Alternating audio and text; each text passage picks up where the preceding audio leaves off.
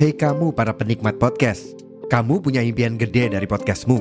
Tools di First Story bisa banget bantu kamu.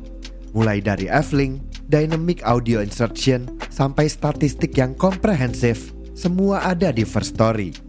Gak ketinggalan, kamu bisa monetisasi podcastmu lewat iklan dari First Story Ads yang bisa kasih kamu penghasilan dari setiap place podcastmu. Yuk gabung sekarang dengan klik di firststory.me. Sekali lagi, di firststory.me. Mari kita bawa mimpi podcastingmu menjadi kenyataan.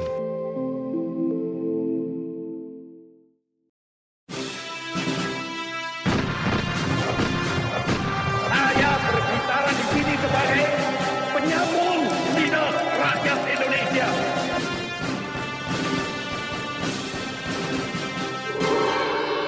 Hai, terima kasih sudah memilih mendengarkan kami, Poseidon, podcast yang bikin kalian gagal move on. Lukisan, salah satu bentuk seni yang paling terkenal.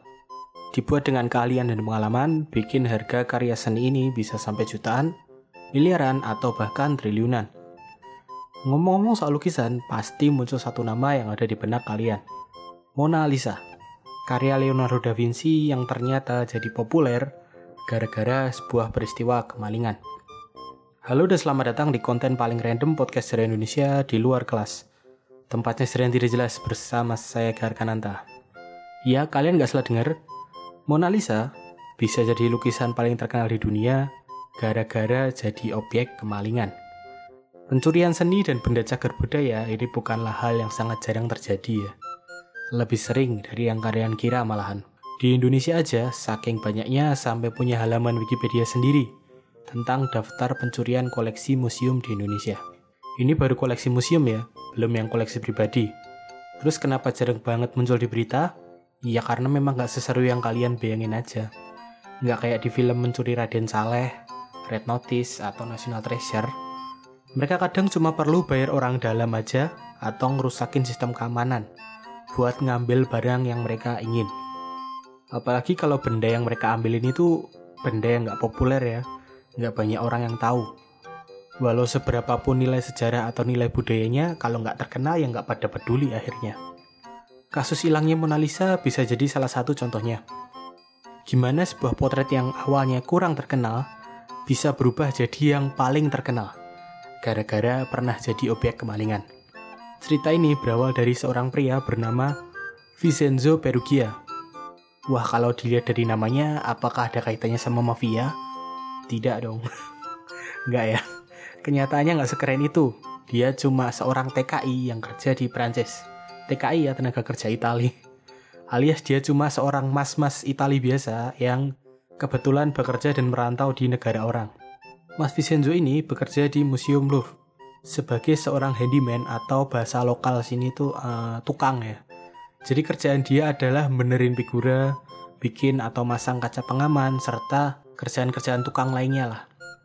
Dan dari kerjaan inilah, Vincenzo Perugia akhirnya punya ide untuk nyuri salah satu lukisan yang ada di sana. Museum Louvre sendiri adalah salah satu museum seni yang paling terkenal dan terbesar di dunia, bahkan sampai era modern sekarang.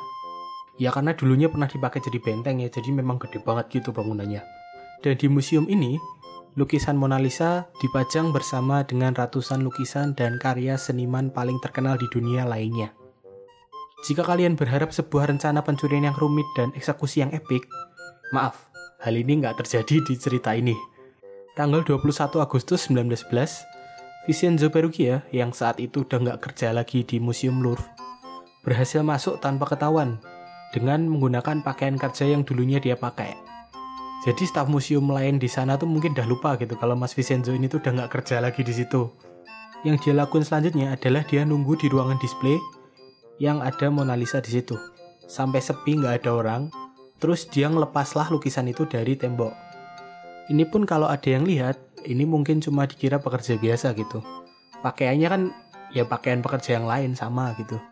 Terus dia juga nggak kesulitan buat buka kaca pelindung dan juga bingkai lukisannya. Soalnya kan dia yang bikin ya waktu dia masih kerja di sana gitu. Urusan cuma bongkar pasang mah gampang. Lukisan Mona Lisa ini terus dia tutupin pakai smoke yang dia pakai.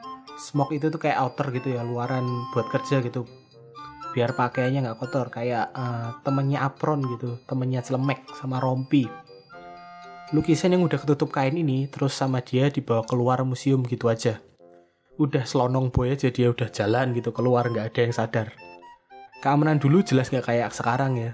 Securitynya wirawiri CCTV di mana-mana. Belum lagi pengunjung yang banyaknya kayak apa ya sampai ribuan gitu. Dan setiap orangnya pasti pegang kamera lagi di tangannya di handphonenya gitu. Tembok museum yang kosong ini tuh nggak ada yang sadar. Entah dikira karena lukisannya lagi di bawah perawatan atau gimana pokoknya nggak ada yang tahu gitu sampai hari selanjutnya. Jadi museum Louvre ini kebetulan nyewa tukang foto buat dokumentasiin beberapa lukisan mereka salah satunya adalah Mona Lisa ini protes dong dia di mana gitu katanya minta difotoin kok nggak ada gitu setelah dicari-cari Barulah pihak museum ini tuh sadar kalau mereka kemalingan. Nyebarlah berita pencurian ini. Semua surat kabar nasional maupun internasional jadiin berita ini tuh headline dan muncullah gambar Mona Lisa ini tuh di mana-mana.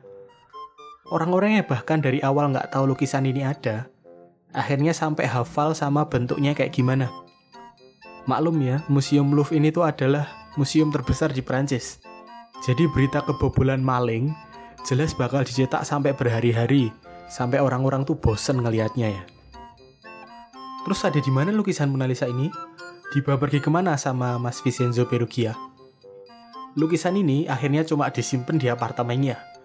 Karena dia tuh nggak mikir lebih jauh gitu rencana yang harus dia lakuin selanjutnya.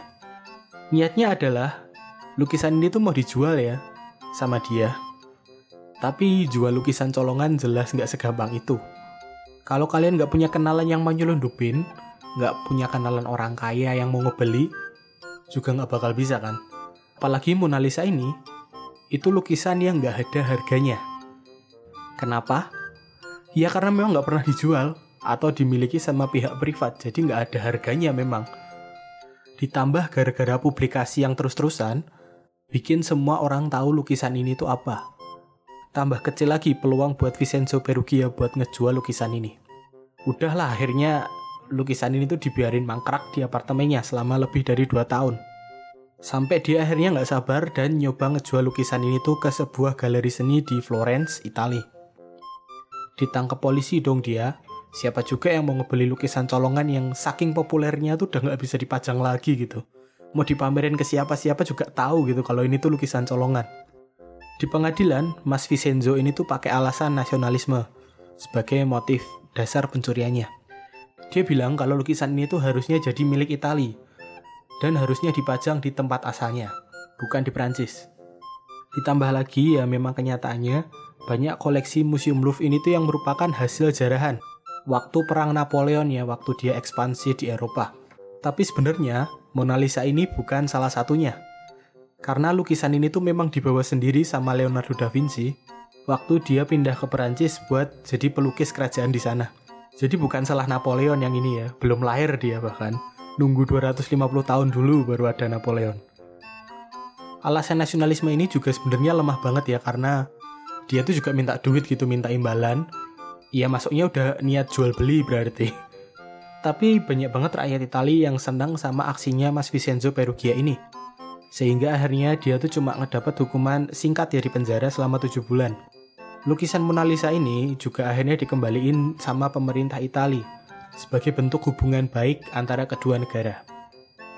Jadi itu tadi ya kisah gimana Mona Lisa, sebuah lukisan yang terkenal, berubah jadi lukisan yang paling terkenal gara-gara sebuah kasus pencurian.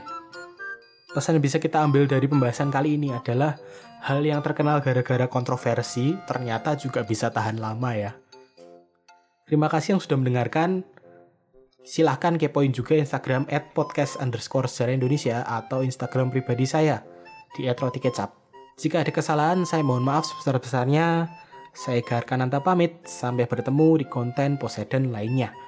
Bye-bye.